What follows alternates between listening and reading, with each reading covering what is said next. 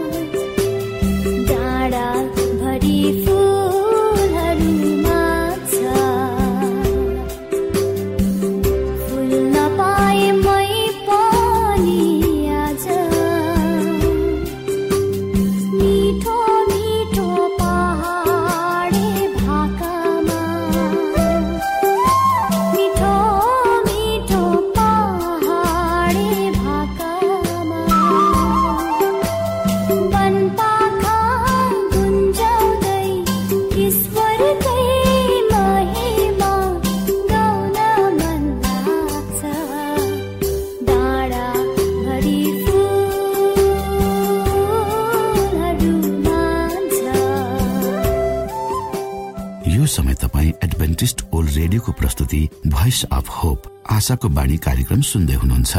श्रोता मित्र यो समय हामी पास्टर उमेश पोखरेलबाट आजको बाइबल सन्देश सुन्नेछौ।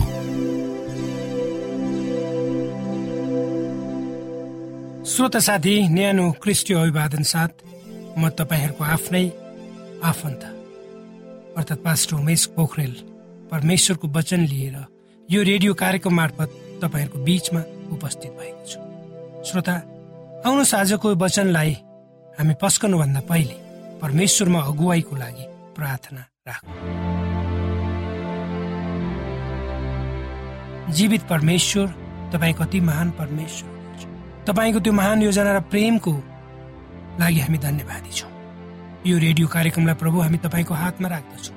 यसलाई तपाईँको राज्य महिमा र प्रचारको खातिर यो देश र सारा संसार सुनाउनुहोस्। आज धेरै मान्छेहरू जो अन्धकारमा छन् तिनीहरूलाई तपाईँको ज्योतितर्फ डोर्याउनुहोस्। सबै बिन्ती प्रभु यीशुको नाममा। आमेन।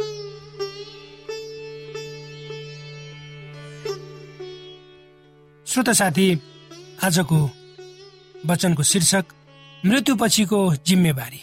अर्थात् हामीले गरेका कामहरूको विषयमा हाम्रो मृत्युपछि पनि कसरी जिम्मेवार हुन्छौँ त्यही कुरालाई आधार मानेर हाम्रो वचन अगाडि बढाउनेछौँ।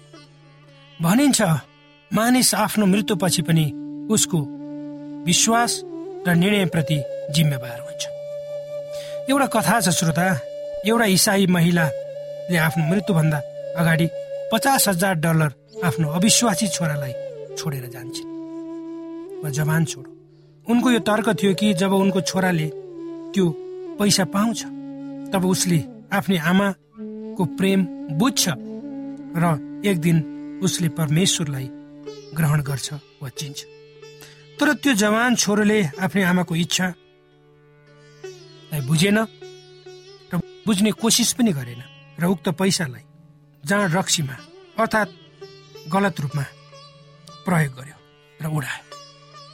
अब ती महिलाले आफ्नो पैसालाई गलत रूपमा प्रयोग गरेकामा जिम्मेवार हुन्छ तर उनको अभिप्राय परमेश्वरलाई मात्र थाहा हुन्छ। तर यो घटनाले तपाईँ हामीलाई सोच्न बाध्य बनाउँछ।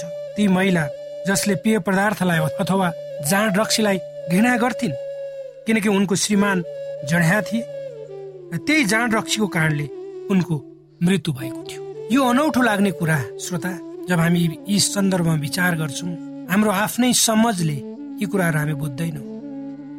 किनभने हामी आफ्नै दृष्टिकोणले सबै कुराहरू हेर्ने प्रयत्न र कोसिस गर्छौँ।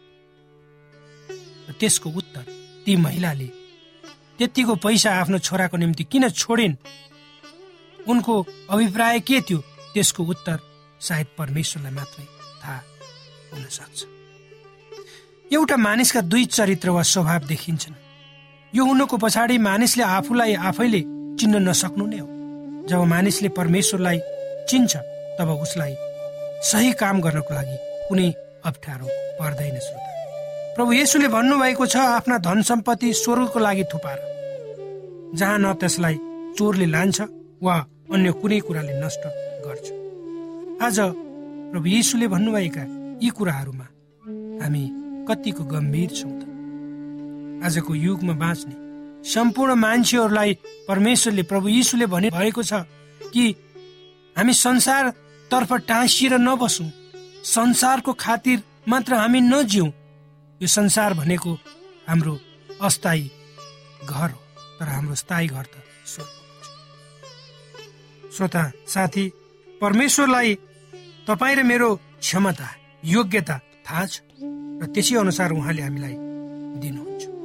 यदि कुनै आमा बाले आफ्ना छोराछोरीहरूलाई ठुलो रकम दिन्छन् भने के त्यसको उपदेयता वा उचित व्यवस्थापन गर्न ती छोराछोरी सक्षम हुन्छन् त। निश्चय नै हुँदैनन् त्यसै कारण। बाबुआमाले आफ्ना नानीहरूको योग्यता क्षमतालाई जान्दछन् र त्यसै अनुसारको जिम्मेवारी दिन्छन्। त्यही कुरा परमेश्वरसँग हामीमा लागु हुन्छ। भनिन्छ एउटा मानिसका चारजना छोराछोरीहरू थिए। उसले आफ्ना प्रत्येक छोराछोरीहरूलाई उनीहरू जब एक्काइस वर्षको हुँदा नहुँदै एक एक लाख डलर पैसा दिए। ठुलो रकम दिए।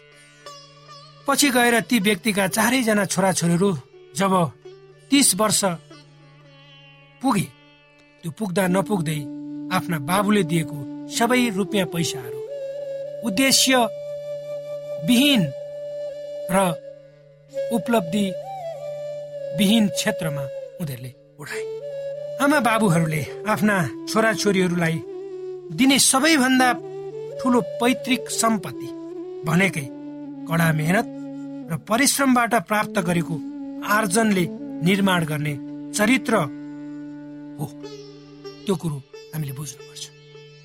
त्यसैले आमा बाबुहरूले यो कुरालाई इमान्दारीपूर्वक परमेश्वरको अगुवाईमा खोज्नुपर्छ। अर्थात् आफ्ना छोराछोरीहरूलाई सही शिक्षा दीक्षा दिई उनीहरूको शारीरिक एवं मानसिक वृद्धिमा विशेष ध्यान दिने गर्नुपर्छ। आमा बाबाले परमेश्वरमाथि भरोसा राखेर आफ्ना छोराछोरीहरूलाई उहाँको ज्ञान र भयमा हुर्काउनु पर्छ अर्थात् परमेश्वरले तपाईँ र मलाई आफ्ना छोराछोरीहरू दिनुभएको छ र हुर्काउने जिम्मा हाम्रो।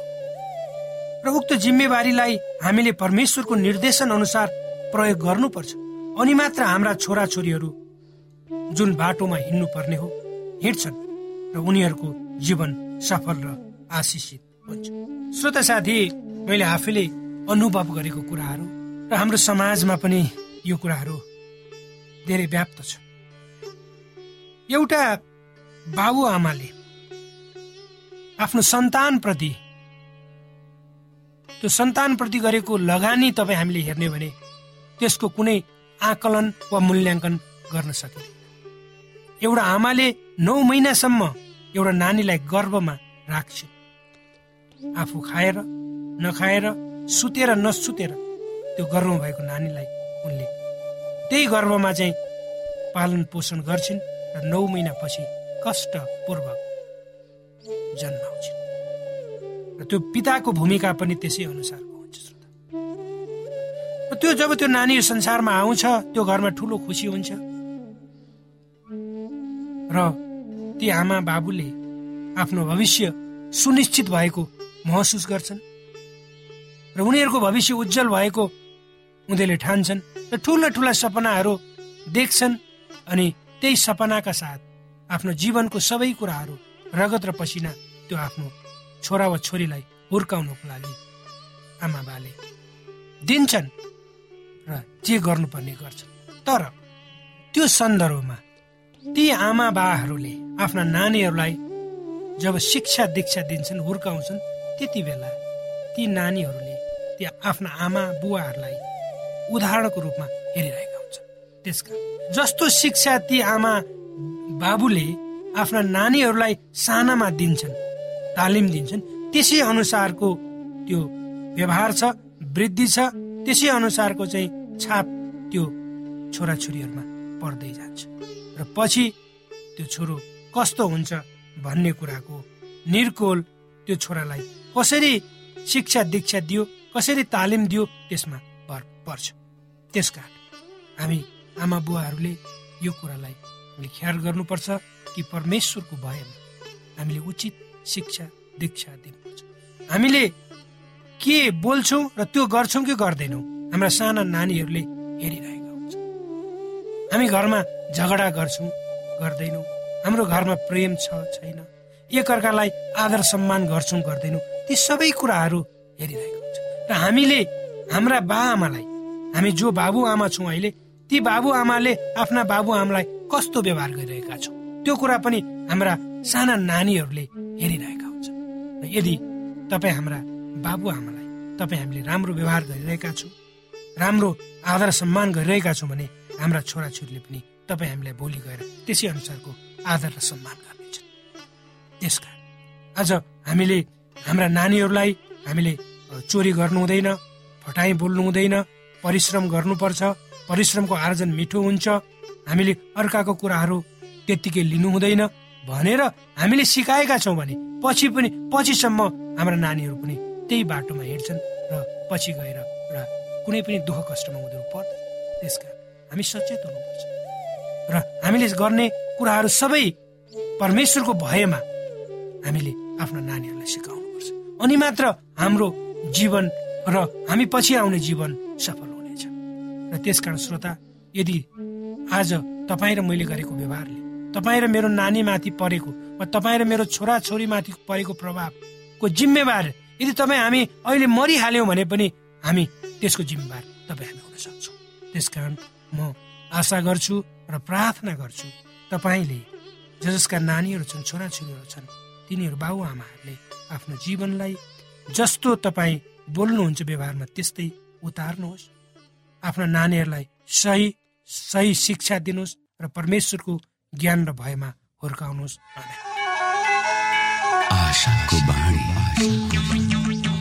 श्रोता भर्खरै यहाँले पास्टर उमेश पोखरेलबाट बाइबल वचन सुन्नुभयो। यो समय तपाईँ एडभेन्टिस्ट ओल्ड रेडियोको प्रस्तुति भोइस अफ होप आशाको बाणी कार्यक्रम सुन्दै हुनुहुन्छ। कार्यक्रम सुनेर बस्नुहुने सबै श्रोतालाई हामी हाम्रो कार्यक्रममा स्वागत गर्न चाहन्छौ। श्रोता मित्र यदि तपाईँ जीवनदेखि हरेस खानु भएको छ तपाईँका जीवनमा धेरै अनुत्तरित प्रश्नहरू छन् भने आउनुहोस् हामी तपाईँलाई परमेश्वरको ज्योतिमा डोहोर्याउन चाहन्छौ। तपाईँ आफ्नो जीवनका चिन्ता फिक्रीबाट निश्चिन्त हुनुहोस् र बाँच्नुको आनन्द परमेश्वरको सामिप्यमा कति मिठो हुन्छ त्यो चाख्नुहोस् भनी हामी चाहन्छौँ।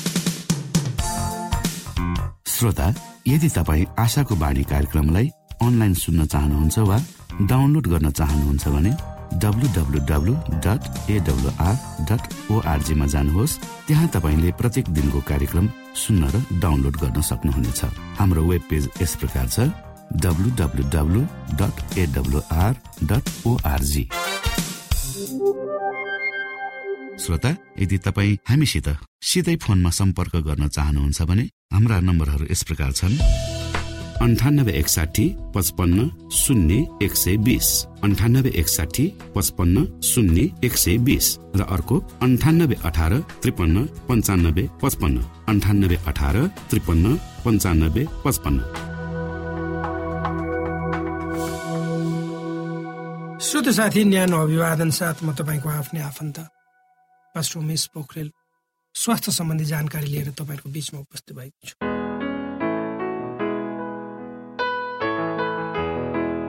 हामी हाम्रो शरीरको विषयमा कुरा गर्दैछौँ श्रोता। र हाम्रो शरीर चाहिँ निरन्तर रूपमा एउटा नवीकरण गर्ने प्रक्रियामा चाहिँ के हुन्छ? क्रियाशील भएको हुन्छ। प्रत्येक दिन मानव शरीरमा एकदेखि तिन लिटरसम्मको रूपमा चाहिँ खानाहरू पानीहरू र हावाहरू भित्र प्रवेश गर्छ भनेर भनिन्छ। र जति हामीले मानव शरीरले भित्र चाहिँ प्रवेश पाउँछ शरीरभित्र चाहे त्यो खाना होस् चाहे पानी होस् चाहे अरू कुरा होस् त्यति नै के हुन्छ? वेस्टहरू भनेको जो नचाहिने तत्त्वहरू चाहिँ हुन्छ निस्किन्छ। यी कुराहरू हाम्रो चाहिँ पसिनाहरूद्वारा अनि स्टुलहरू दिशा पिसाबहरूद्वारा निस्कन्छ। र प्रत्येक वर्ष प्रत्येक वर्ष चाहिँ के भनिन्छ भन्दा हाम्रो शरीरमा भएका प्रत्येक तन्तुहरू तत्त्वहरू जे जे छन् ती त्यो त्यो हाम्रो शरीरमा भएका जे जे तत्त्वहरू छन् जुन जुन अर्गनिजमहरू छन् तिनीहरूले के गर्छ भने तिनीहरूको चाहिँ रिन्यू हुन्छ अरे वा नवीकरण हुन्छ तिनीहरू फेरि बनाइन्छन् अरे। र यो समयमा के हुन्छ यी सबै हाम्रा शरीर भएका तन्तुहरू रासायनिक कुराहरू अनि हाम्रो चाहिँ के अरे जे जे कुराहरू हाम्रो शरीरभित्र हुन्छ तिनलाई रिन्यू गर्ने क्रममा चाहिँ त्यो प्रक्रिया छ त्यो निरन्तर शरीरभित्र चलिरहन्छ र चल्ने चल्दाखेरि जब ती सबै कुराहरू नयाँ बनाइन्छन् तर पनि मान्छे चाहिँ के हुन्छ? उस्तै हुन्छ अरे।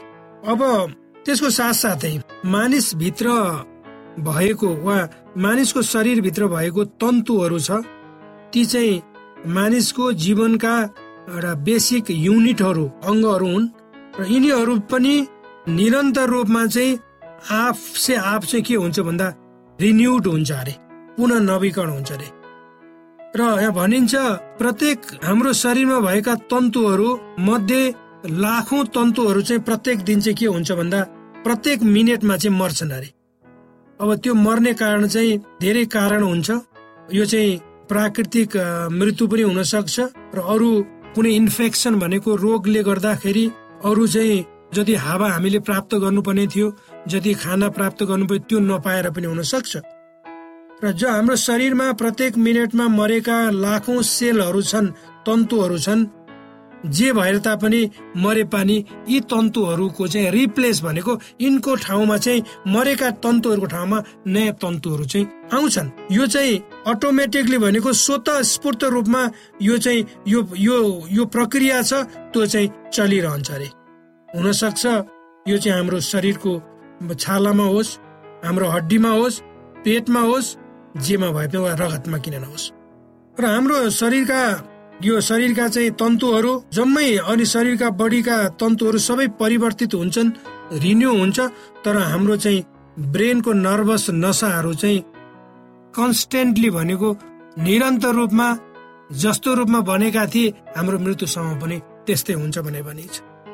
त्यसकारण यो कारणले हामीले चाहिँ यदि तपाईँ र मैले आफ्नो शरीरलाई स्वस्थ राख्न चाहन्छु भने हामीले आफ्नो दिमागलाई ब्रेनलाई पनि स्वस्थ राख्नुपर्छ।